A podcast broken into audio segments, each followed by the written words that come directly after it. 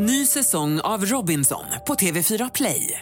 Hetta, storm, hunger. Det har hela tiden varit en kamp. Nu är det blod och tårar. Fan händer just nu. Det. är Detta är inte okej. Robinson 2024, nu fucking kör vi! Streama söndag på TV4 Play. Podplay.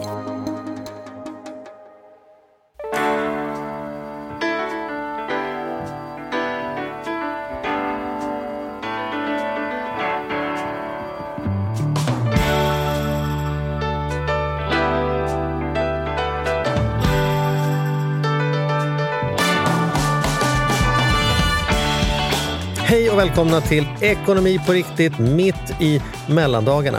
Jag vet inte hur det är Mattias, är det så att de här julvärdarna som är på julafton, sitter de live på julafton? Är de borta från sina familjer när de ska tända ljuset och hålla på sådana saker eller är det Jag, förinspelat? jag, jag, kan, jag kan avslöja att det inte alltid har varit så. Alltså, från början så var det så. Absolut, 100 procent när Weise satt där. Och sen så satt ju Lotta Bromé där och sen var det några till. Och då var det så att man var där. Sen var det någon som fick kritik eller skit. Jag tror, nu säger jag tror här. Men jag tror att det var Lotta och Erik som satt. Alltså Lotta Lundgren och Erik som satt och gjorde någonting. Och då, då eh, gick de ut och sa att de hade förinspelat det där. Och då blev det ett jädra liv i media. Att jaha, det var inte viktigare och de satt inte där. Men då visste jag, några, jag behöver inte tala om vem, men jag vet att några faktiskt hade gjort så åren innan också. Att de faktiskt inte var där utan det var förinspelat. Och då var det ett jäkla rabalder som sagt med dem, men det hade pågått tidigare. Men efter det så, så har det blivit en grej då. Ska man, vara, ska man nu man vara där då. julvärd då sitter man där. Så att de sista åren så, så har man gjort det. På det ämnet vill jag säga att vi har inte tagit ledigt ifrån mellandagsrundan och eh, lutfisk och... Eh, Nej, men jag, tänkte, hur, jag måste bara fråga dig bara. Nu sitter vi ändå här proppmätta och fina. Har, har det varit någon skillnad för dig med julbord? Då? Förra året så var vi ju i Örebro tillsammans ju och käkade julbord. Har, vi- har, har det smugit in mer vegetariskt, mer veganskt i ditt liv? Har det, liksom, har, det haft några, har det varit någon skillnad nu på förra julen mot den? Ja, vad jag skulle vilja säga något klokt om detta, men jag är ju traditionalist. Så det är ju så att jag... jag, jag eh, ja, men här är jag nog så gubbig man kan bli. Liksom. Det, alltså, det finns ju grönsaker. Jag tycker sallad generellt sett, det är svårt på grönsaker på julbordet. Det är så här, jag brukar göra en, en med apelsiner och granatäpplen och kanel. Men den är lite som en, nästan som en efterrättssallad. Men jag tycker den funkar bra till skinka och sådana saker. Jag brukar göra stuvad grönkål med lite råsocker och senap. Jag brukar göra brysselkål som jag wokar tillsammans med, med eh, äpple och lite eh, citron och grejer. Men det är typ det som är. Alltså, gör man en sån här fin tomatsallad och liksom stora gurkor, så- det är ju ingen i alla fall hos mig är det så här, det är ingen som äter det där i alla Fast fall. du kan Man göra där med- köttbullar på, Ja, på vet. väggfärs. Ja, du, ja. kan, du kan Ja, göra vet. liksom, det Nej. finns vegetariska bra Ja, man kan göra sill på aubergine och grejer. så här. Men vi har ju inga veganer och då är det som att så här, men sill verkar ju ha en tendens att bli fisk hemma hos oss. Mm. Och köttbullar verkar ha en tendens att bli att man har tagit och malt ner något djur. Liksom. Mm. Så ehm, jag har inget vettigt försvar att säga om detta men jag är inte, mitt julbord är väldigt traditionellt då, Mm. kan man väl konstatera. Och det är inte som att jag vill förespråka det utan det är bara att min kreativitet tar slut där någonstans. Liksom. Du då? Jo, nej, men, Du är, lever ju ett grönare... Ja, Eller så här, ja. du är ju gris. Framförallt är ju du Ja, gris. helt grisfri. Ja, det är jag. Och det är ju mycket gris. Liksom det är skinka och det är liksom julkorv och det är... Ja, det är väl en del gris som skulle kunna dyka Mm. Ja, upp. men då, då blir det nötkorv för mig, eller vilt framförallt. Jag går klart. väldigt mycket mer mot vilt. För att jag insåg, jag var ju faktiskt på väg att, att tänka att jag inte skulle äta kött. Men jag, jag, Mm. jag, tycker, jag tycker om kött för mycket. Alltså jag Mm. har ingen bättre förklaring. Än att jag, jag, fan, jag, men då har vilt blivit ett alternativ Mm. för mig. För att jag är så mycket på land, det finns så mycket sköna bönder runt omkring och man Mm. kan få loss lite viltkött och sådär. Så att då har det blivit vilt, väldigt mycket vilt. Problemet är att min andra, övriga familj då, barnen är ju vegetarianer. Mm. Och, och, eh, eller sådana här, i alla fall de äter inte något kött överhuvudtaget. Mm. Fisk, eh, skaldjur. Så äter de. Men, men, ehm, och min fru gillar inte vilt. Så det är klart det blir lite mäckigare då. Du blir men, själv med den där... Ja men lite så. Men, men eh, ja, mer vilt och verkligen ingen gris. Och det, ja, nej, men jag, jag saknar det faktiskt inte. Inte någonting. Inte den där grisen. Däremot så hörde jag en väldigt rolig historia. En kompis med mig som hade bråttom. Han hade lovat att han skulle fixa julskinkan. Och sen så åker han ner Och eh, köper, frun hade så här, du, du hade en sak att tänka på och det var att fixa julskinkan. Jag känner som att jag vet allt om den här relationen redan. Han fick en enda grej och den kunde han inte ens klara det. Nej men då åkte han i alla fall sent om stider ner, köpte julskinkan. Jaha, han- det grill- fanns kvar i alla Ja, fall. Mm. han, precis, han fick tag på julskinkan. Han grillerade den och fixade och sen Mm. då, du gjorde det här dagen innan julafton. Och sen på julafton så, började de, så skulle de käka. Och när de började så kände han, det var fan jävlar vilken skinka, vad saftig den här var. Och då förstår du ju. Då hade han alltså råkat köpa en okokt. Han köpte en rå, ja. En rå skinka som han grillerade. Som bara körde tio minuter i ugnen. Istället för åtta timmar eller vad skapar Ja, el. Så att eh, han påstod, om det var psykiskt eller inte, jag tror ju inte att man blir dålig av en, liksom på en gång en sån sak. Men, Mm. men jag tror känslan bland julbordet stagnerade Mm. i feststämning och eh, blev någonting annat. Så att någon, någon började må lite dåligt. Så att det var inget bra för honom. Nej. Han är en väldigt fin, fin Ja, eh, man. Nu är det ju efter jul så det är dåligt tips att komma med. Men om, om ni har råkat ut för detta kan ni Exakt. gå in på våran Instagram och lägga upp bild på toalettskålen när ni käkade rå Ja, eller lägga upp bild på julmaten kanske. Det går bra. Skicka över gärna någon god julmat. Nej, ja, nej och, och eh, så, det hade ju kunnat varit en nötbit också. Så det var inte något fel på grisen. Utan Nej, det var, det var nej, jag, jag, har faktiskt, min, jag inget med jul att göra, men jag var på en sån här Mongolian barbecue. Mm. Det var jävligt stort för ett tag sedan. Det, fin, det finns fortfarande, jag tycker att det är ganska soft ändå. Man går och plockar grejer så vokar de där med någon skön sås. Men då var det någon tysk turist som var där. det spelar ingen roll att han var tysk, men han var det. Som inte riktigt hade fattat konceptet. Så han gick och tog såna grönsaker och tunt, tunt skivad råkyckling och råräkor och grejer. Och, jag, och gick inte via köket utan han gick och satte sig och började käka, käka det. Tunna, tunna skivor av rå kyckling och eh, råa räkor och eh, personalen skrek och kom springande. Är, Ja, är det den dock perfekt så ska det inte vara några problem. men, nej, eh, men det är men, eh, ganska... känslan, nej, ja. Råa räkor har jag ätit, men rå kyckling det, det har jag faktiskt Nej, det eh, undviker jag gärna. också. Ja, det finns ställen som serverar det faktiskt. Ja, i Japan är det inte ovanligt. Ja. kommer du märka när du väl kommer till Ja. Tokyo. Jag har en Ja. kompis som varit väldigt, väldigt mycket i Tokyo. Och där Ja. är det ju mycket sushi-ställen som har just tunt skivad kyckling, eh, rå och sådär. Så att, Nåväl. Du, vi ska inte podda idag. Idag kommer vi göra en liten sån här nyårs... Mattias nyårskarameller, ja. kan man säga. Ja, eller Charlie och Mattias Ja. det bli. För vi har ju olika karameller. Vi minns ju olika saker från året som Ja. vi tycker varit extra roliga. Ja, och nu tänkte vi att vi ska inte ta de mest djupaste, mest värdefulla liksom, konversationerna. Utan Ja, eller så blir- vi får se, men, men vi tänker att vi öser på här med en snabb kavalkad av några av årets 2022s poddar så vi, där det dök upp ögonblick som vi tyckte var extra roliga, extra intressanta eller lite annorlunda och lite galna. Mm. Så att det blir, eh, för dig som är en trogen lyssnare så blir det liksom ett litet återbesök. Och för dig som liksom har halkat in nu, ja men då kan du ju kanske bli, få lite mer Då kommer du få feeling på hur jävla roligt och kul och bra Ja. podd vi har. Och, och är det som att man är så här, vad var det för avsnitt? Då kan man ju gå in på vår hemsida, charlieochmattias.se och så kan du skriva in namnet på den som du tyckte lät rolig där och så får du reda på vilket avsnitt det är. Direkt Mm. Ja, det var fiffigt. Så jobbar vi. Det är så bra så vi nästan hade kunnat tänkt ut det själva. Men med det så önskar vi goda fortsätt på mellandragarna och gott slut. Mellandragarna? Och, mellandragarna. Ja, ja, det gör vi. Det är ständig dragning. Ja. Keep in Christmas feeling säger Ja, vi. ja, det kan vi behöva Ja, ett sånt här jag tror vi till och med ska avsluta den här kavalkaden med några strofer från Anders Bagges julsingel. Ja, ja, Ja. får vi göra det? Ja, det är klart vi får det. Den, den där var det du som fixade igång i vanlig ordning när Anders Ja, ja, Bagge ja, med. men det är, och jag är skivbolag för Ja. det. Så att varför inte? ja, Ja. ja. Jag tror vi får eh, något sånt här stim. Vi får, köra en, ett, eh, vi får inte köra hela låten tänker jag. Men det där, har, Nej. det har Jessica koll på. Det där har. Jessica. Ja, så god fortsättning allihopa. Ja. Idag är det så att vi har ju motorcykelskägget i egen hög person Arturo Arkes med oss här. Välkommen Arturo. Tack, tack, tack, tack. Hur har du Nytt haft det år. över jul och nyår? Jag tänkte säga det precis. Nytt år och nya möjligheter. Hur har, hur har ditt jul och nyår varit då? Ja, det har varit bra. Jag har inte haft några bekymmer och funderat på vad jag ska göra för eftersom jag har jobbat i stort sett hela tiden. Men eh, jag ska inte klaga. Lite ledighet har det blivit och eh, ledigheten har förgyllts av eh, kära och nära. Har du några speciella jultraditioner som du liksom är, det blir inte jul om inte Arturo får det här eller gör det här eller liksom så här. Ja, jag är ju tyvärr, alltså jag växer ju aldrig ifrån det där med julklappar. Jag tycker det är kul Ja. med julklappar. Jag har ju svårt att hålla med. Ja. Så att jag brukar faktiskt eh, tjuvöppna en del paket. Det kanske inte bara ska säga på radio, för då hör ju omgivningen det. Vad säger du? Vad Gör du det? Du går och Ja, öppnar det faktiskt innan sant. alltså?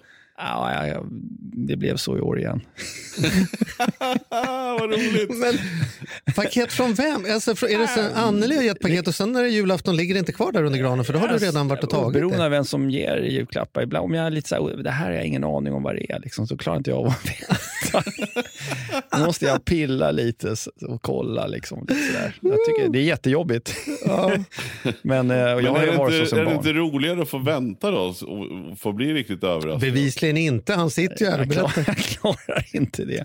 Jag måste få veta vad det är för någonting. Framförallt om det är såna här saker som jag har ingen aning om vad det kan vara. Mm. Då kan jag vara väldigt, väldigt nyfiken och vilja att, kika. Så att jag, jag, jag stör mig lite grann på det där, för jag tyckte att man borde ju vara vuxen nu och kunna fixa det där. Men jag är ju mer på än mina barn. Mina barn tycker inte alls att det är lika spännande längre som jag. Jag är nog den som är mest sådär, åh julklappar, vad kul det ska bli. Just det. Så hade man sagt till dig så här, ska vi hoppa över julklappar i år och liksom inte stödja kom kommersialismen, då hade du varit så här, är du helt dum i Ja, huvudet? nej, det, det är Glöm ingen det. jul. Nej, Det är ingen okej. jul. Mm. Jag, jag har ju kollat, ungarna eh, tycker inte det är jätteviktigt med julklappar, men jag, jag tycker det är viktigt. Så att jag s- i- både ger och får gärna julklappar. Hej och varmt välkomna till Ekonomi på riktigt med Charlie och Mattias. En podd som kommer varje vecka, varje tisdag och har så gjort sedan i början på 2017.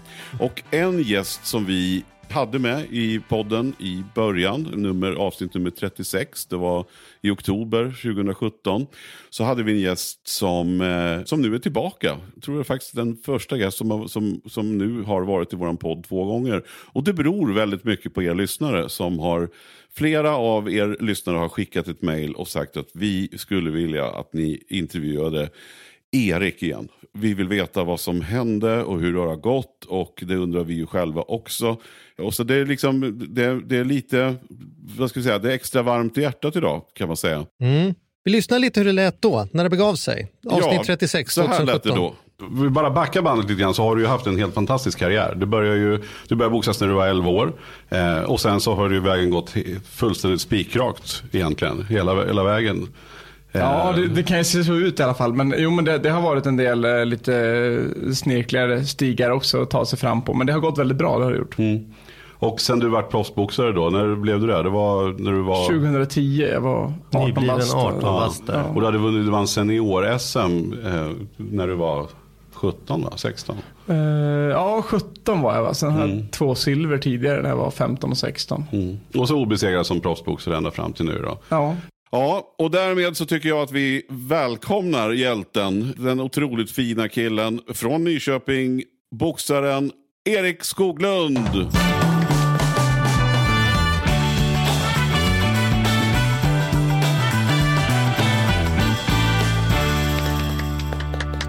Det, det blir en klen applåd mot vad du är van vid här när det bara är vi i studion. Men Nej, det, men det, det, det, jag tänkte jag applådera själv också, men, det, det, för att förstärka det lite. Men, Ja. men det, det, var, det, det lät bra ändå.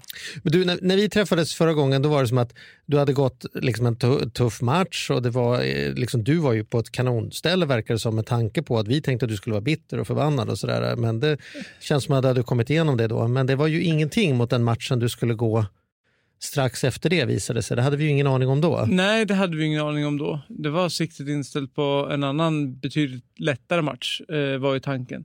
Jag hade precis åkt på min, mitt eh, livs första förlust och eh, ja, tänkte väl att ja, men, eh, jag vill skaka av med det här och tillbaks upp på hästen så fort som möjligt. Bokade en ny match mot en annan engelsman då. Även den på bortaplan, men eh, var, var i gott självförtroende inför den. Tränade hårdare än någonsin och eh, skulle komma i kanonform.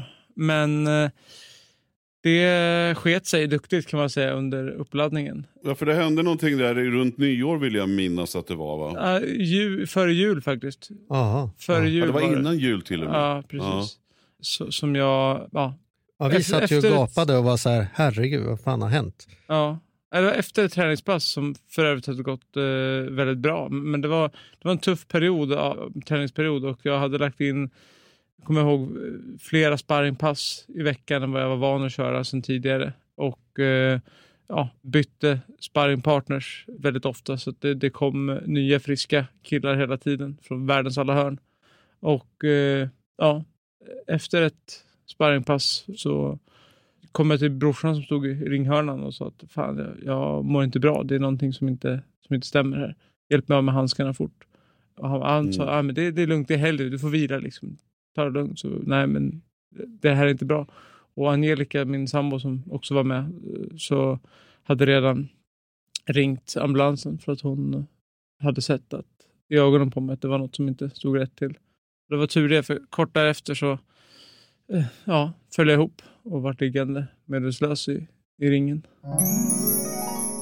Varmt välkommen Anna Gunterberg från Dreams. Det är liksom lite så här vårspring i benen. Och det, är, du, det är inte så att du har fått mellofeber? Att det är det som pågår? ja, nej, nej det, det, det tror jag, jag inte. tänker eftersom du är engagerad i år nu, nu, du, nu har ju du säkert så backstage pass och såna grejer. Ja, precis. Jo, det har jag. Ja. Jag har akkreditering som det så fint Aha. heter också. Mm, mm. Jag ska vara med den tredje deltävlingen. Mm. Så att jag har inte riktigt kommit in i den där bubblan. Men, men det växer mycket minnen eftersom jag historiskt har jobbat en del med Melodifestivalen för många, många år sedan. Mm. Och det är klart att, det är, att man, man känner igen, det är lite samma Ja, men det är lite samma folk som håller på, det är liksom ett, ett bra gäng och folk är på gott humör och sådär. Så att, eh... Vi måste kolla nu, nu sitter säkert ett gäng lyssnare och inte är närvarande till. Vadå, ska Mattias, ska, du, ska han spela bas? Alltså vad, du måste berätta nu, varför ska du vara med då? Liksom, för den som inte är... Ja, nej, men jag, jag jobbar som agent för Anders Bagge och mm. eh, jag fick in Bagge i Mello i år. Han hade ingen tanke eller plan på det. Men nej, sen du kuppade. Jag, så mm. kom det till mig en låt som var så bra. Och jag kände att den här låten måste bara tas om hand av någon. Mm. Och då satt jag på ett möte med Bagge som rörde något helt annat. Mm. Och där och då, då, så fick vi... Jag bara kände att den här skulle passa honom. Alltså den skulle vara som handen i handsken som vi brukar säga. Så att eh, han sa jaha och sen sa han jag måste bara få provsjunga den. Sen åkte han hem och sjöng den. Mm. Och så ringde han och sa ja den passar ju mig. Ja. Och på den vägen var det. Och så vad, det gör, kul. vad gör du? Jag bara säga så här, en, en, detalj, jag tror att man kan ha lyssnat på den här podden jättemånga gånger och tänkt så här, men fan Mattias och jag, vi är ganska, vi är ganska lika liv ändå. Han resonerar som jag och han gör som jag. Och så, så berättas en anekdot. Jag fick en låt till mig och då tänkte jag, här ska jag sätta Bagge. Då kommer man på, att ja det är också lite olika. Det är väldigt få människor som har en vardag där det ett dyker upp låtar som man skickar vidare till. Ja, jo. Mm. Ja, men så, så och då går Bagge förbi studion, precis, utanför. Ja. Nu när vi pratar om honom så går han förbi och läser ett mobilmeddelande. Precis Jaha, i bakgrunden. Ja, ja, jävligt dålig radio. Men, mm. Vinka in honom då. ja, vänta, ska jag se om jag kan göra det. Gör det. Jag gissar att han sprang på toaletten för att jag lyckades inte hitta ja, honom. Okay. Men han kanske kommer tillbaka. Jag kan säga till när han går förbi igen. Ja. ser jag här. Ja. Nu kommer han. Nu kommer han. Live på det. Välkommen Bagge. Tack. Hej. Mikael. Tjena! Tjena kingen! Är du inne i en poddverkstad? Ja, vi är inne och poddar för fullt. Och du har varit på muggen har jag hört. Vem har sagt det? Nej, det var någon liten fågel som viskade i mitt öra. Ja, det är ju så här Mattias. Eh, alla människor går på muggen en par gånger om dagen. Ja. Eh, förutom, vad heter den här? Det var ju han Kim Jong-Un. Han mm. går inte på toaletten. Ja, det. det. är den Effektivt. enda människan i hela världen. Men mm. även jag gör det. Ja. ja. Det roliga var att vi satt och pratade om dig när du gick förbi nyss. Och precis då så frågade Charlie, hur har det gått med Mello? Och eftersom du jobbar med Anders, hur har det gått? Och så precis då så gick du förbi, så det var lite roligt. Ja, just det. Så att, men, men det har gått bra sa jag. Vad tycker du själv? Du var också laddad och tittade från soffan i fredags va? Ja, herregud. Jag hade ju både, vad heter det, jag hade allt popcorn som fanns nere på ICA-butiken hemma hos mig. Mm. Eh, hundar och vi hade köpt ballonger och saker för en halv löning tyckte jag. Mm. Det var så mycket saker så jag höll på att dö. Men det var en jäkla spännande, det var en väldigt spännande lördag. Jag satt där och om jag ska säga det rakt ut i eter så tycker jag hon var riktigt bra hon som vann. Cornelia. Faktiskt. Cornelia. Ja. Vilken röst, vilken... Eh, den blir tuff. Men är, alltså, den, den, blir tuff om jag nu skulle gå vidare. Jag är ju alltid ödmjuk i det som händer. Men skulle jag gå vidare så kommer jag, kommer jag nog tycka att den var jäkla fin och jäkla bra sångerska. Hur kändes, det, hur kändes det att sitta där och veta, för det hade jag tänkt att fråga när vi kanske skulle höra senare idag, men, men jag tänkte så här, undrar hur det känns? Vart det, vart det extra pirrigt eller kändes det lite skönt att du nu ser hur det såg ut? Eller hur, var, hur, var dina, hur gick dina tankar? Oj. Eh, nej, men jag tror så att jag har redan ställt in mig på hur jag ska göra. Jag ska bara, jag ska bara gå ut dit och vara i en bubbla. Och så ska jag titta på de närmast sörjande i närheten och sjunga för dem. Ja. Men framförallt så sjunger jag för mig själv, bara så att jag kan checka av det i min bucket list. Det är i alla fall första deltävlingen. Går jag vidare så vet jag, har jag, inget, jag har ingen plan för andra gången, för då då vet jag inte vad jag ska göra. Det, det, det löser vi då. Du, nu ska jag gå och fota här, men, men det var ja, jättekul att få störa er podd. Du, jag skickar in ja. sen. Jag tar ju nio kronor för inlägg. jag, så jag ja, kan inte göra så mycket på priset. Nej, det är taget. Det är taget, okej. Okay, bra, bra, bra. Alltså, det, för jag har inte mer pengar, så det är väl det jag pröjsar. Hej, hej. Hej, hej. Varmt, varmt välkommen Jonas Eliasson. Nu ska vi börja med den kanske lättaste eller svåraste frågan. Nu vi börjar med idiotfrågan. Och den frågan kallar vi för kommunalarbetaren. Mm. Mattias och jag har ju kört väldigt mycket, eller Mattias har kört och jag har åkt, för Mattias gillar inte att bli skjutsad. Mattias gillar att köra. Eller hur Mattias? Ja, jag är ingen ja. åkare. Jag, jag, är ingen bra medåkare. Jag, jag, tycker det är mm. jättejobbigt Så att du får åka köra. med. Ja. Men då ja. har ju vi många gånger kört ut ur Stockholm eh, när vi ska göra inspelningar, föreläsningar och andra saker. Och då är det alltid samma sak, att fram emot halv fem så är det stopp, det är kö. Mm. Och då brukar vi skoja och säga, nu har den där, det finns ju en kille anställd på kommunen som går ut halv fem och stannar alla bilar. Mm. För det är den enda rimliga slutsatsen eftersom närmsta rödljus när jag kör E4, eh, liksom passerar söder, nästa rödljus är ju Helsingborg. Mm. Det är ju inte ett enda anledning för en enda bil att stanna. Det är möjligtvis om det skulle ha kö ut på avfarterna, men det är tämligen sällan ja, eller, jag har eller noterat. Eller om det är olyckor. Eller olyckor. Ja.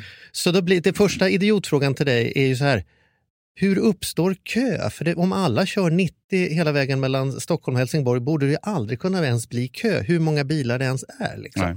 Nej och, och, det är inte en idiotfråga, för det här är ganska fascinerande. Alltså, det finns två typer av kö. Och Den ena kön det är ju den här som du säger, liksom, när det finns en trafiksignal eller en avfart eller någonting som orsakar att trafiken inte kommer fram. Liksom. Den är lättare att begripa och det är faktiskt den vanliga sortens kö.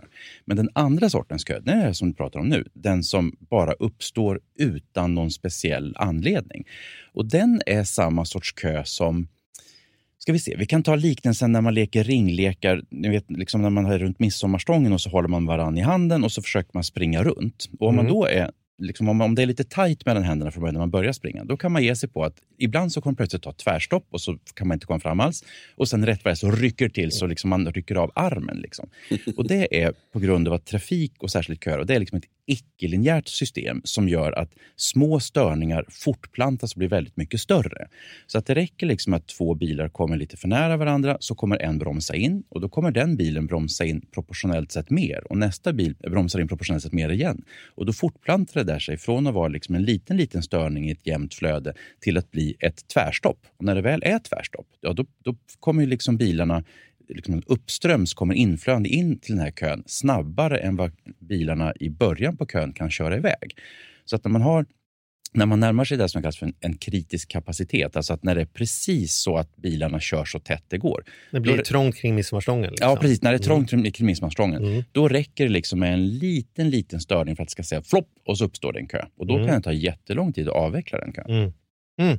Och, och, och, eh, Då har man ju noterat att det finns två grundläggande strategier här. Det ena är ju att, att man då som sittandes i kön eh, så fort som möjligt kör fram och ställer sig nära. Mm. Så att liksom trycka på. Liksom. Mm. Och den andra är ju att försöka vara en utjämnande faktor. Det vill säga jag har 10 meter framför mig nu men jag krypkör den så att alla kan krypköra bakom mig. Jag försöker liksom att jämna ut det här. Mm. Och utsätter man sig ofta för att någon kliver in emellan där. Ja. Men liksom, vill, finns det någonting som, som, ja jag pratar ju om Mattias förstås, men, men eh, finns det någonting som, som, vilket skulle kunna vara bäst? Alltså, Vilken bra medtrafikant kör hela vägen fram eller mm. försöker vara lite halvpolis och liksom äter upp den där inbromsningseffekten? Alltså, när, när, man väl är i kön, då spelar det inte så stor roll vad du gör faktiskt. Men, men när man är i det här läget att man märker att där framme så håller det på att bli en kö, så att man mm. liksom är en av de här som är på väg in i kösvansen som vi kallar kallar det för.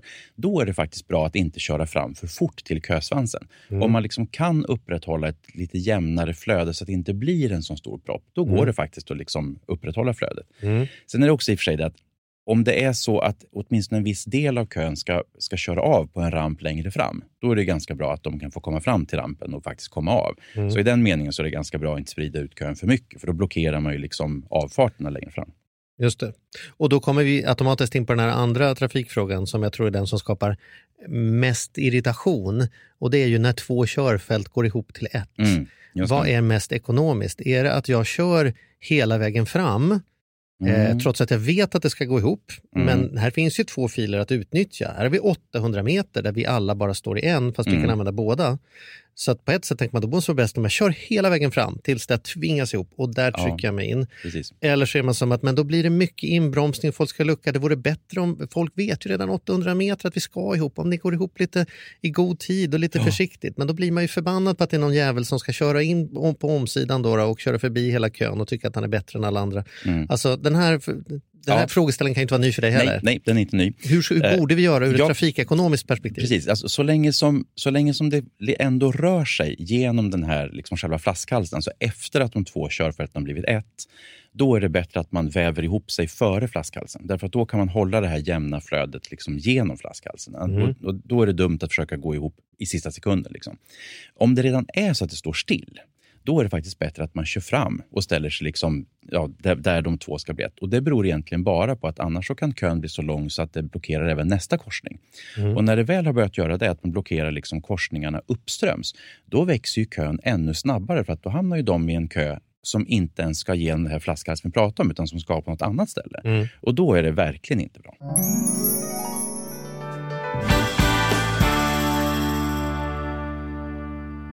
Den här podden gör vi även den här veckan i samarbete med Saveland. Fan mm. vad kul det är att ha dem med ombord. Mm, jätte, jätteroligt. Ja, vi brukar prata om att man har något band som man såg jag stod Bo Kaspers jädrigt tidigt liksom, innan man gjort tv-debut. Och du har något hårdrocksband som du var jävligt tidig på. Ja, alltså jag var på, på Lilla Teatern Göta Lejon och såg Metallica ja. 1984. Så gammal är jag. Och jag var i kontakt med Saveland när det fortfarande var typ tre, fyra personer där från mm. början. När jag fick möjlighet att träffa dem. Eh, och nu är de ett stort bolag, fyller tio år, finns på börsen och jobbar helt enkelt med att vanliga privatpersoner och företag kan investera pengar eh, i eh, lån och krediter. Mm. Så man får riktigt bra ränta. Så eh, det rullar på efter tio år, bättre än någonsin. Fantastiskt kul att ha dem med här i podden. Mm. Gå in, testa, kolla. Vi ja. har en kod som gör att om du öppnar ett konto och använder på riktigt får du dessutom en insättningsbonus just Precis, och vill man veta mer så som sagt gå in på saveland.se. Man kan också lyssna på Ludvig som har varit gäst i vår podd två gånger. Då får ja. man en ännu bättre inblick ja. i vad, vad det är de pysslar med egentligen. Men eh, ja, Saveland.se och stort tack. Ny säsong av Robinson på TV4 Play. Hetta, storm, hunger. Det har hela tiden varit en kamp. Nu är det blod och tårar. Vad fan händer just nu? Det. detta är inte okej. Okay. Robinson 2024, nu fucking kör vi! Streama söndag på TV4 Play. Poddtips från Podplay. I podden Något Kaiko garanterar östgötarna Brutti och jag, Davva, dig en stor dos skratt. Där följer jag pladask för köttätandet igen. Man är lite som en jävla vampyr. Man har fått lite blodsmak och då måste man ha mer. Udda spaningar, fängslande anekdoter och en och annan arg rant. Jag måste ha mitt kaffe på morgonen för annars är jag ingen trevlig människa. Då är du ingen trevlig människa, punkt. Något kajko, hör du på podplay. Därför är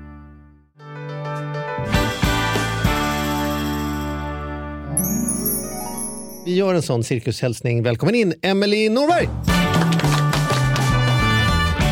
Oftast så är det ju så att man kanske då vill eh, uttrycka sig mer med kläder.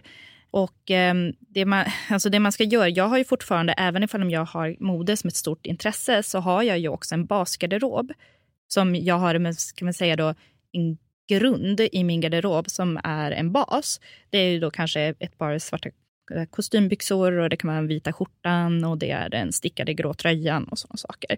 Det är min basgarderob. Sen ser jag det på att som, som jag konsumerar mode, det är att jag äger inte mina kläder, utan mina kläder ska cirkulera. Jag äger min basgarderob. Den kommer alltid vara i min garderob och ifall om den skulle gå sönder, vi säger om de här kostymbyxorna går sönder, måste jag investera i ett par nya.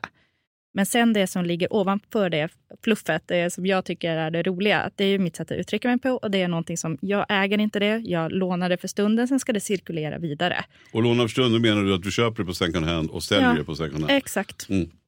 Och därför förlorar inte det heller någonting i värdet eftersom att jag gör på det sättet. Det jag också är otroligt noga med det är ju klädvård. Jag tar hand om alla kläder. Sen gör jag också så här, innan jag ens går ut och tittar på ett nytt klädesplagg, som jag då alltid väljer att göra second hand, så kollar jag först i min egna garderob. Vad har jag för någonting här? Kan jag göra om det? Kan jag styla om det? Kan jag byta med en kompis? Kan jag eh, men, sy dit, eh, inte vet jag om man vill ha fjädrar eller nitar eller vad, vad ja, nu trenden än säger. Eller kan jag färga om plaggen? Det gör jag också jättemycket. Och det är väldigt, väldigt mycket man kan göra innan man ens behöver gå ut och köpa ett nytt plagg. Var färgar du, Emily? Gör du det nere i vår tvättstuga eller gör du det ja, uppe i lägenheten? Kan du säga att vi inte berättar det för ordförande? Så, ja. Jag tänkte säga, jag vill höra här vilket, vart, vart håll det, det, det här med var det fanns hajar. Men kör du klassisk batikfärgning? Nej, nej, inte det. Det har jag varit med om och gjort. Mamma, mamma gjorde batik. Ja, ja, det, det var faktiskt inne förra året igen med mm. batik. Så att det, det är nog många som har gjort Säg det. som vår föregångare i Plus, Sverker Olofsson. Mm. Eh, han sa, jag har alltid, jag har, har alltid manchesterbyxor. Man är minst väldigt het två gånger i livet. det var väldigt roligt sagt. Ja, det. Ja. det är så. tråkigt med Sverker är att han är mycket roligare off cam än han är on cam. Så det är generellt sett en, en ganska skön snubbe. Ja, men det är sällan den sköna snubben får vara med i tv. Kingen av fucking ekonomi i Sverige. Välkommen in, Mikael Professorn Dahlén! Tiden som tolvåring fylld med fler nya saker mm. är dubbelt så lång mm. som tiden i kanske vår ålder när det inte alls är så många nya saker i tillvaron med mindre än att det blir pandemi, mm. krig, det är ju väldigt intressant för det är egentligen lite tvärtom vad man skulle kunna tänka. För att om man tänker sig att man har tråkigt, för jag känner ju den här tiden när jag har bott så mycket på landet. Den har ju gått så oerhört fort på något sätt. Mm. Fast jag egentligen då inte har gjort så mycket. Nu har det då givetvis hänt mycket om i världen. Men annars brukar man säga så här, har man tråkigt så, så går tiden långsamt. Gör man mycket så bara visslar det till. Men, men i minnet så är det egentligen tvärtom. Mm, det är kontraintuitivt, så är det. Man tänker att ja, tråkigt borde vara längre. Mm. Men då är vi inte riktigt närvarande. Vi vet ju precis hur tillvaron fungerar, vad som händer härnäst och kan liksom koppla in autopiloten. Ja, nästan snabbspola oss igenom. Det, det är inget jag bara slänger ur mig, det får jag inte som professor, det får jag själv om min anstalt. Mm. Så jag har på fötterna när jag säger bokstavligt så går tiden hälften så snabbt när vi gör nya saker. Och det är ju verkligen en uppmaning då till alla och till, som jag känner också, att det betyder alltså att ju mer man stoppar in och gör saker. Och de behöver inte vara vare sig roliga eller tråkiga egentligen, menar du. Utan ju mer händelser. Får man tre skottskador på ett halvår kan man räkna med att man kommer uppleva det som en längre period än om man bara låg hemma och lyssnade på Särskilt den första. Godmorgon Sverige. ja, men det är intressant, det är väldigt intressant. Ja. Ja, men det är ett tips inför semestern, för det, det tänker folk ofta inte på. På semestern då ska jag koppla av. Mm. Och så kommer man in i en sorts semesterlunk och så känner alla i slutet av semestern, oj vad snabbt den försvann. Mm. Alldeles för fort, jag märkte knappt att den hände överhuvudtaget. Tipset här är att kom inte in i en semesterlunk utan gör någonting annorlunda, någonting nytt varje dag så blir semestern betydligt längre och betydligt mer minnesvärd så det är någonting du kan återuppleva och njuta av i huvudet lång tid därefter också. Men du, det är också härligt att vi har privatekonomernas privatekonom har vi döpt honom till tidigare. Kingen mm. av privatekonomi med oss. Från, mm. Direkt från Malmö mm. va, Jan Bolmesson, eller hur? Ja, mm. det är det. Tack, tack Mattias. Jag har ju snutt det där från dig Charlie. Du brukar ju säga att du är expert på att skapa dålig stämning. Ja, det är jag. Ja, nu när jag börjat liksom så här passerat 40 så tänker jag mig så att alltså nu, nu, nu var det någon som kallade mig för gubbe och då tänkte jag, ja, men då mhm. kan jag också prova på att skapa dålig stämning och då tog jag upp detta med arv med min mamma eh, som mm. då fortfarande lever. Det, det, det, det slutade sådär. det blev dålig stämning men det blev inte bra stämning efteråt. Men vad, vad, vad var din take? Jag gillar att du ville framhålla att du pratade med henne och sen berättade att hon fortfarande lever. Som alternativet var att någon efterhandsseans med henne. Men, men, men, men varför blev det dålig stämning då? Om du, om du skulle gå tillbaka, vad hade du kunnat gjort bättre? Eller hur, var gick det snett? Kan du komma ihåg ögonblicket när det var så här, nu blev det inte så bra? Ja, eller hur, hur startade det? Det vill man ju veta från allra första Absolut. början. Nej, men det, det, sta, det sta, alltså så här, back, backstoryn är ju så här att min mamma är ju så här, du fyller 70 eh, snart eh, och eh, hon är ju liksom uppväxt i Tjeckoslovakien, så här gammalt kommunistiskt land, vet man ska göra rätt för sig, inga skulder. Så liksom målet för, med henne, liksom så hon kom till Sverige 81 och flyttade in i huset 1988, det var att huset ska vara liksom neramorterat, inga lån, ingenting. Och sen så kom hon och så var hon så här sjukt stolt, det fattar ju inte jag då. Och så sa hon så här, ja men när jag dör så kommer du och din bror, ni kommer få vars två miljoner att dela på. Och eh, då var jag väl kanske inte så himla taktisk och så sa jag så här, ja mamma det är ju väldigt vänligt och så här, men alltså så här, vi har det ganska gott ekonomiskt ställt så att de där pengarna kommer inte göra någon drastisk skillnad för oss. Och så att då är det mycket bättre att vi liksom använder pengarna medan du är i livet, att vi hittar på grejer, vi gör resor och sånt. Och då bara måste hon ha sett framför sig att liksom de där 30 år av amorteringar bara liksom försvann.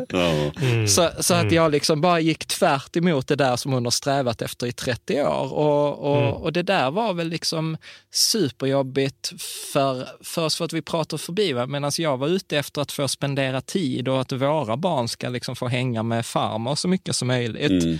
Och så var hon liksom att hon ville ge en gåva och jag kan liksom typ kissade lite på den gåvan. Det. Mm. Och, och att, Mm. eh, ja, så att, ja, jag vet inte, och det där blev ju lite konstigt, för vi kom, båda ville väl, men vi kom Mm. från två helt olika håll. Jag vet inte Mm. om ni har upplevt något, eh, något liknande. Jo, men jag brukar ofta säga till mina föräldrar också, för att de är precis av samma, samma virke som din mamma då, att man eh, har amorterat, inga lån, har också ett hus och liksom är väldigt stolta. För att höra väldigt ofta liksom, så brukar min pappa skoja om att att eh, nej men det, ja vi får väl se om jag har råd nu. Vi får väl vänta tills jag får pensionen. Och, du vet, han håller på så här smådrygar i att han är så glad att han inte har några lån och att eh, vill påtala Mm. att de har eh, liksom alltid amorterat av. Men och sen ofta lägger till det där att ja, och det ska nog bli en slant över när inte vi finns. Och då har jag ju sagt också samma sak. att Mm. det är ju, det är ju, Ni ska ju inte lämna kvar någonting till oss. Det är ju upp till oss att skaffa, alltså mig och min syster då. Det är ju upp till oss att, att se till Mm. så att vi får bygga upp vårat, våran ekonomi på samma sätt. Liksom. Men att använd pengarna och res. Men nu, nu är farsan är lite knackigare så att nu är det kanske inte läge att resa ändå. Då, att, han, att han fixar det. Men, Ja. men det är också så här, man blir så här, ja fast inte, så här, varför ska ni lämna kvar någonting? Använd pengarna. Liksom. Exakt. Gör något kul. Exakt. Och jag har för, försökt att få dem också i den här åldern nu som jag kan tänka mig att många andra sitter i också. Det är just det här att om man, om man har levt som de har gjort och har den ekonomin, då är det inte så att man har gått ut på krogen och käkat särskilt mycket eller att man har kört mycket hämtmat. Utan det har ju varit kokt potatis och ris varje dag liksom, hemma och lagat. Men nu har jag lyckats få, få mamma som också börjar bli äldre och, och sådär att, att faktiskt åka och hämta mat. Köp färdig mat, eh, liksom unna er den grejen. Och det, det känner jag att det har jag nog lyckats fått igenom och de har insett det sköna med det. Att inte behöva laga mat varje gång. Eh, så. Så att, men det är en annan inställning. Liksom. Så att, men det är väl bra där då, att, man, att de kan använda pengarna till sånt. Ja. Så att de kan liksom få Ja. det lindrigare. Men Mattias, du har ju också, alltså, du och din syrra, ni är ju, är ju ganska, eh, alltså ni är ju ordentligt vuxna och ni har kommit en bit i livet, men, men det är kanske för er också som vi har det lite i våra familj. Jag har ju två yngre systrar och dels är de lite yngre och dels är de på ett annat ställe i livet. Det är småbarn och det andra, så vi har också olika ekonomiska förutsättningar, så för oss blir arven lite sån här Ja men du vet nu, Rema, äh, liksom det ska ju vara Mm. rättvist. Rättvist mellan barnet, alla ska få lika mycket. Men det är ju lite som du, du säger Jan, liksom för mig och, och, min syster nu som är, har varit föräldraledig och hon har tre små barn hemma liksom, eh, och precis eh, tagit den stora investeringen och, och köpt radhuset och liksom, du vet småbarnsåren och sen det där. För dem skulle ju liksom en halv miljon, det skulle ju vara liksom en Ja, de vet inte vad de skulle ta vägen. Det skulle vara en, en, en ordentlig förändring av de kommande två, tre åren för dem i hur de kan vara hemma med barnen, hur de kan tänka, hur de kan få åka på semester Mm. och så vidare. Va? Och för mig är det liksom, här, skulle mig skulle det vara, det är klart att det är kul, men, men, det är men det är som du säger, det är ingen jag ser inte plötsligt att scenariot för de kommande två åren eller tre åren i mitt liv skulle förändras tack vare att det dök upp en halv miljon. Och då är det också så frågan, Ja, det ska ju vara rättvist. Framförallt när man kommer till arv då, så är det inte, så, då, då, är det ju risk tror jag, att man skapar osämja om, om man precis har förlorat sina föräldrar och så kommer det fram något papper som säger syrran ska allt, jag ska inte få någonting. Men man kan också ställa sig frågan vad, om man ska behovs... Alltså är ni med vad jag far är? Ja, ja, verkligen. Oh, ja. Jag känner verkligen igen det här. Och, och, och, det som hade varit rättvist, det är ungefär som om man ska hälla upp, det har jag alltid hävdat också när, man, när, när vi var mindre det skulle vara rättvist att man skulle få exakt lika mycket saft eh, eller exakt lika mycket tårta eller vad det nu kunde vara. Mm. Men, men, det stämmer ju inte heller för någon kanske är betydligt mer törstig än den andra. Och det är lite samma sak här nu. Eller någon, man, man, eh, det, det är svårt att göra rättvist. Men, men det är också så här då, om vi konstaterar det här nu då, ifall det skulle dyka upp pengar som du säger Charlie, till dig och i det här fallet din syster, om det, om det bara var ni två.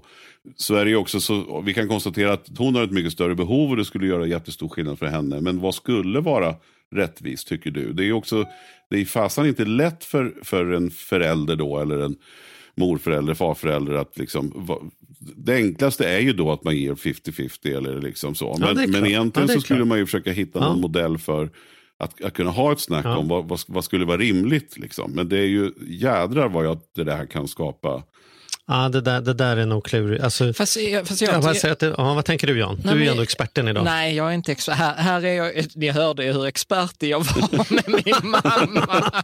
mamma skulle inte kalla dig expert. Nej. Skor inte alltid din, har inte varit din starka sida genom åren, måste jag säga. Nej, men grejen är att jag eh, går så pass mycket utåt med fötterna. Så typiskt mig, jag har en förklaring på precis allting. jag, är så, jag är så trött på mig själv. Nåväl, jag går så mycket utåt med fötterna så att det spelar ingen roll hur bra skor jag köper. Jag sliter ut dem hur fort som helst. Alltså, det finns ingenting som har hetat mig så här, köp riktigt schyssta dojor nu så håller de i tio år. För att de håller, jag, får, jag får klacka om mm. dem. Bara, alltså, så, och då i vissa perioder i mitt liv har jag varit så här, fuck it, jag tar några sådana där 299 mm. som ser lite ut som en kostymdoja i alla fall så går vi vidare. För det kommer ändå aldrig se bra ut. Liksom. Okay. Men nu har jag, jag gör en uppryckning. Men, men om du ändå så här, var, varför, då undrar jag så här, ja det är klart att du har förklaring till allting, men varför skulle det betyda att man sliter mer skor för att man går lite utåt med fötterna? Men du får titta när vi ska på AWn idag, hur jag går. Jo, jag vet lite hur du går. Du ser ut som, som Jag ser ut som jag har skitit på mig. Ja, men gnuggar du liksom? Tydligen. Alltså det är ett gnuggmoment när du sätter ner foten? Tydligen är på, det, på, det pågår något där. Jag går ju också förskräckligt illa alltså. Mm -hmm. Det syns direkt när jag kommer gående. Alltså, det, ja, det, klart det, det syns när du kommer gående. Ja, men du... ja, jag syns när jag kommer gående. men, men det, jag har en jävla risig stil om man säger ja. Ja. Ja, men det kan jag ju faktiskt en av de sakerna som gör att det, när vi säger, hur är det att se sig själv på tv? Så det, jag har inga problem med hur jag ser ut och sitter och pratar. Men jag ser mig själv gå i tv, då känner jag så här, fan är det Kalles klätterträd eller vad är det här? När vi är ändå igång, jag måste få dra en story till om inte vi har mm. på tal om gång. Jag kan inte låta bli. Och den här mm. kanske jag sagt förut och då får väl folk stå ut. Då, för det här, mm. det här är bland det roligaste momentet.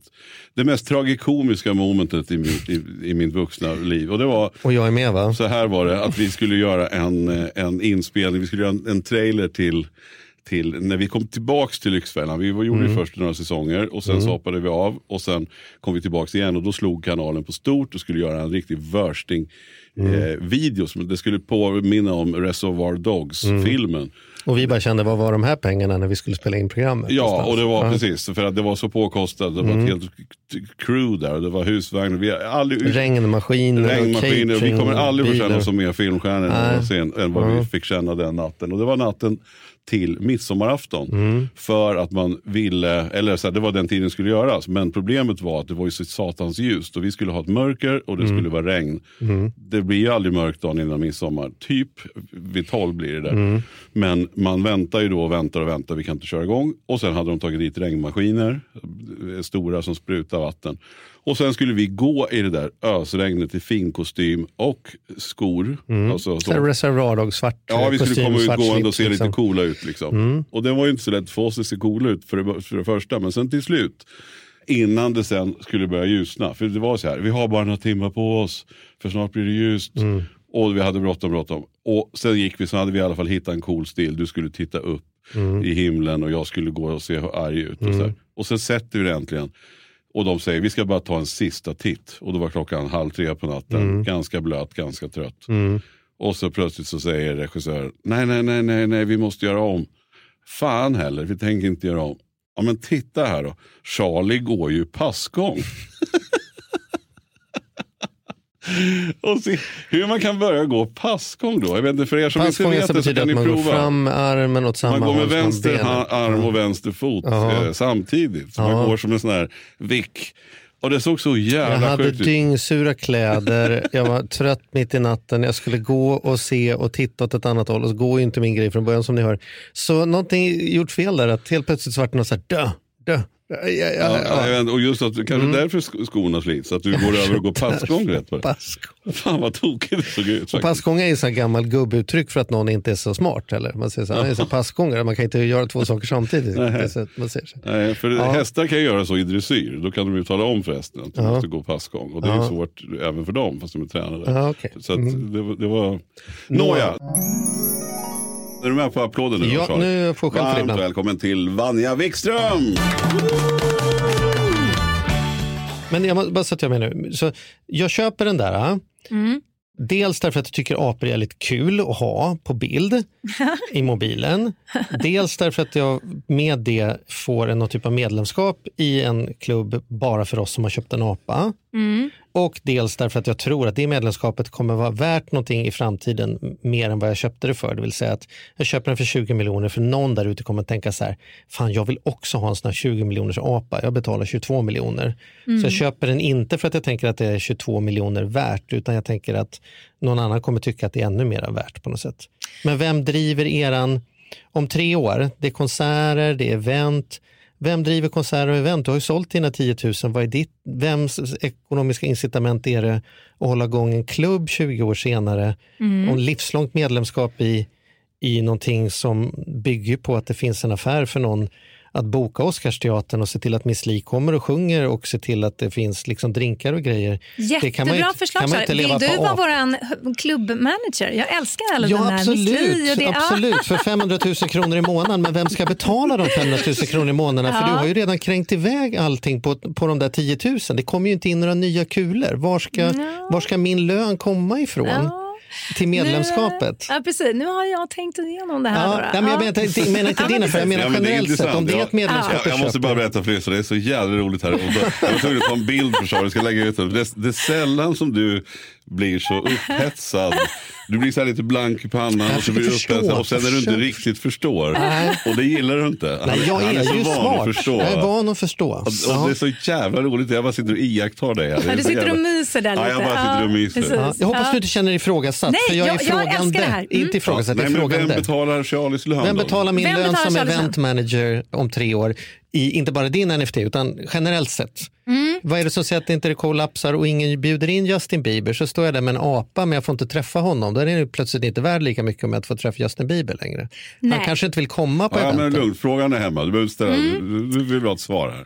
Eh, ja men precis. Nej, men du, precis så. Det finns ju liksom en, en, en affärsmodell här.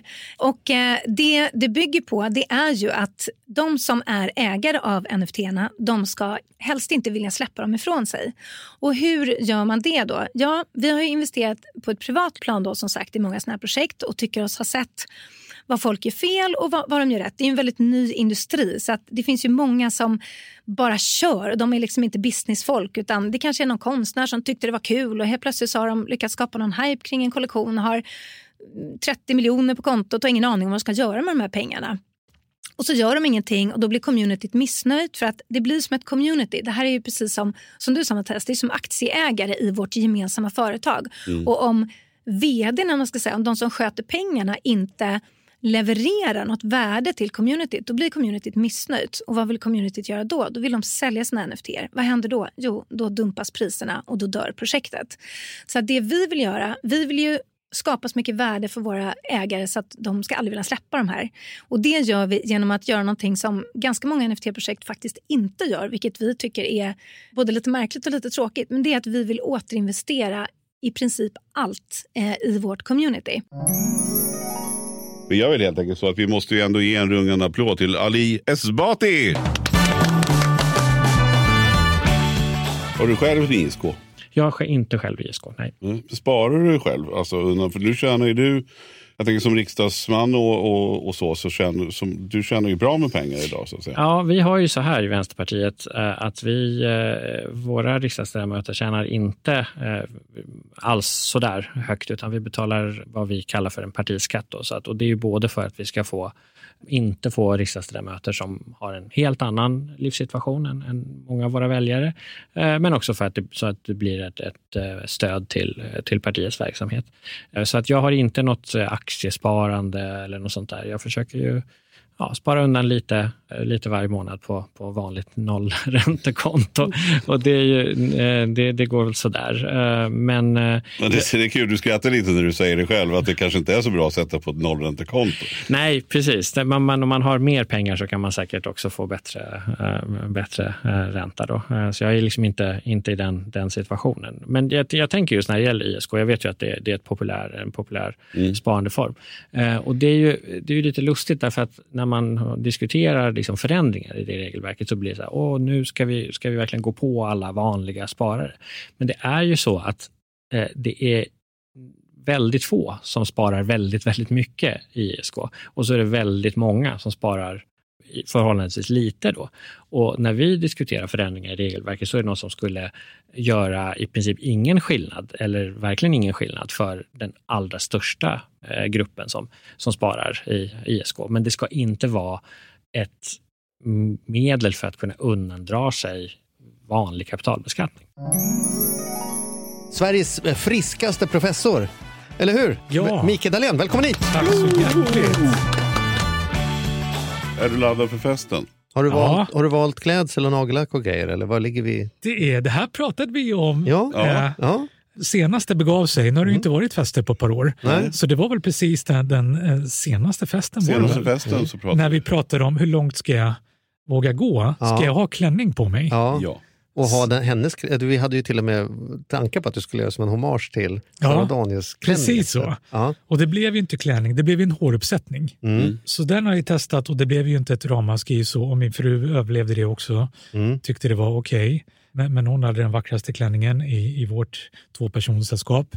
Så den här gången skulle det kanske kunna bli. Mm. Är det ett löfte eller en spekulation eller en lek eller vad är det? Kan det bli riktigt bli en stilig klänning? Kan vi inte slänga ut den då som Ja. en omröstning? Ja, Mm. ja Ja, absolut. gör vi. vi. lägger den i... För eller emot? Just Ja. det, för de som tycker att Mikael Dahlén ska ha klänning på sig på Nobelfesten Ja.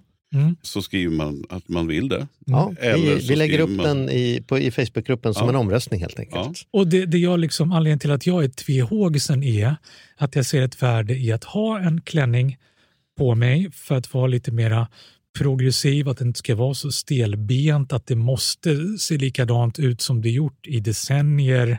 Jag vill börja snacka sekel nu Mm. och som jag känner kan, liksom, kan skapa ett avstånd till allmänheten. Ska det liksom vara så? Mm. Men Ja. vet du vad, vi kan väl... Kan Men vänta, bara- vad ligger i andra vågskålen då? Vad är det som får dig att inte tycka att det är självklart då? Att jag inte vill stjäla uppmärksamhet, Att det ska dyka upp som något effektsökeri? Liksom, ja, eller? precis så. Mm. För jag, jag fortfarande känner en väldig respekt såklart för institutionen Mm. eh, och för alla kommittémedlemmar, alla pristagare och så vidare. Så det är ju viktigast att pristagarna framför allt Mm. får uppmärksamhet. Så jag vill inte stjäla ljuset från någon och att det uppfattas som effektsökeri samtidigt som jag ser poäng. Man ser ju poängen, Ja. Du bidrar med värde men du vill inte få löpet att det blir det det Ja, handlar man om. lägger i vågskålen så Ja, väger det mycket mer över med en fin klänning. Så behöver man ju inte ha Men någon hör man ju stor vad du rosa. kommer gå in och rösta på. Så där vill jag ha många vi- smarta Ja. eh, hjärnor som hjälper till och Mm. fattar det beslutet. Och Så- så vill jag ha någon att skylla på. Ja. För Ja. om jag nu gör det så kan jag säga ja men du vet det Mm. hölls en omröstning och det Ja. är egentligen alla Ja. lyssnare på den här podden, det är Ja. deras Ja. fel. Ja. Och då kan man antingen skriva någonting på sociala medier som du Charlie ser till att Ja. ploppar upp. Men man kan också dra ett mail till Mm. Charlie och Mattias at gmail.com. Vi Ja, räknar in dem också. gör det. Snälla Ja, gör det. ja Mm. skicka gärna ett mail Mm. så, så ska vi summera ihop de här. Och eh, det är helt enkelt bara för eller emot att Mikael bär klänning på festen. There's a Christmas song on the radio, like a whisper from a friend, telling me the season's back again. Listen to the world tonight.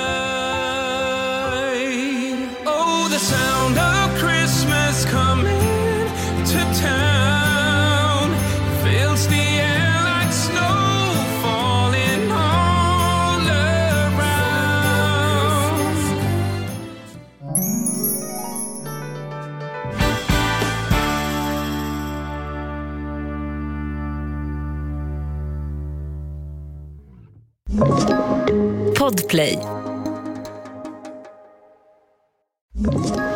Ett poddtips från Podplay.